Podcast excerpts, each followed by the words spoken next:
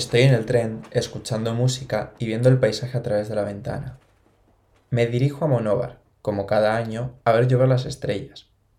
Cuando era niño, iba allí a pasar los agostos a casa de mi abuela y hay dos cosas de ellos que recuerdo con mucho cariño. La primera, su olleta. Daba igual el calor que hiciera, no me marchaba sin comerla al menos un día.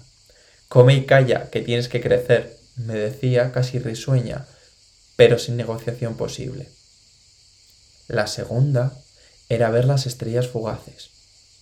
Siempre que caían las lágrimas de San Lorenzo, a ella se le ponían los ojos vidriosos. Me miraba fijamente y me decía que aprovechara y deseara mucho, que alguna me iba a escuchar.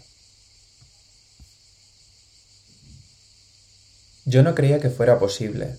En cambio, me quedaba pensando, ¿Cuántos deseos puede conceder una estrella fugaz antes de gastarse?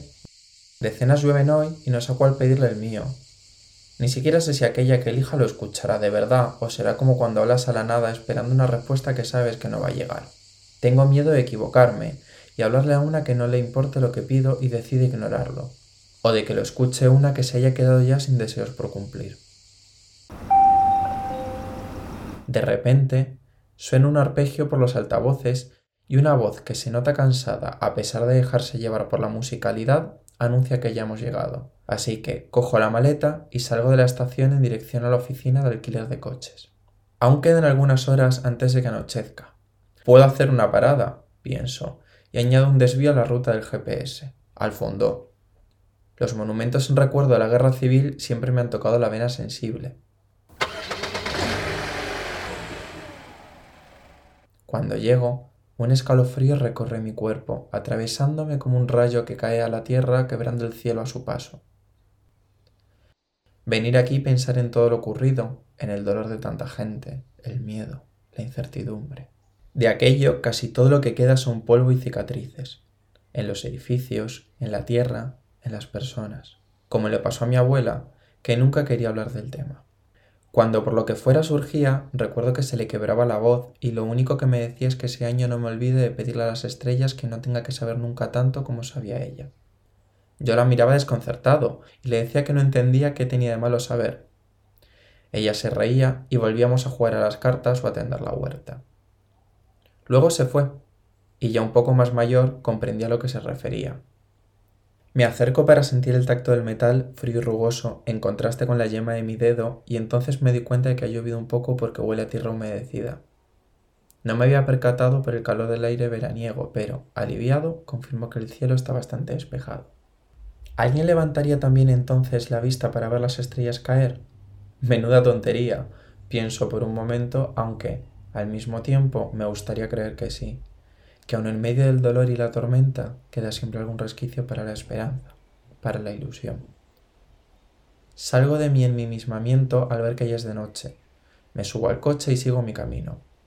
En quince minutos largos llego y, directamente, saco una pequeña manta de la maleta y la extiendo fuera. De la mochila cojo medio bocadillo de tortilla que me había sobrado del viaje y saco una lata de refresco de la bolsita isotérmica. Levanto la vista mientras como y bebo de manera mecánica. Me dejo abrazar por el manto de oscuridad y luces y, arropado como un niño, espero a que aparezcan las primeras lágrimas del firmamento. Seguro que ya lo sabes, pero las estrellas fugaces son una verdad a medias, o una mentira bien camuflada. Apenas las vemos durante una fracción de segundo, y no es porque se escondan, sino porque desaparecen de verdad están hechas de los pedacitos de hielo de algún cometa despistado que se acerca tanto como para que los fragmentos que desprende entren en nuestra atmósfera y empiecen a arder hasta deshacerse del todo. Es un instante nada más, pero para ellas ese momento es lo que dura toda su vida, un segundo eterno. Mientras tanto, aquí en la Tierra levantamos la mirada para maravillarnos viéndolas caer y arder, nacer y morir, escuchar deseos y cumplirlos todos, o ninguno. ¿Y qué ven ellas? ¿En qué piensan? ¿Tienen nombres? ¿Con qué sueñan mientras se van quemando?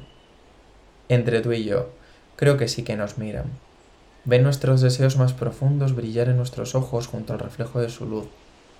Todos esos anhelos sin cumplir buscando volverse reales y dejar atrás su forma de ensueño.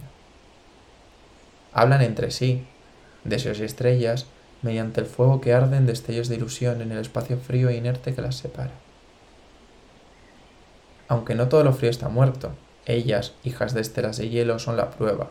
Seguro que es allí donde se guardan todos los deseos sin cumplir y los sueños sin contar, los que solo quedan entre soñador y estrella y que, antes de quemarse para siempre, dejan su luz grabada en un cristal que viajará hasta que esté listo para arder. Viene a mi mente la parada de esta tarde. Ojalá, aparte del polvo y las heridas, haya quedado algo más.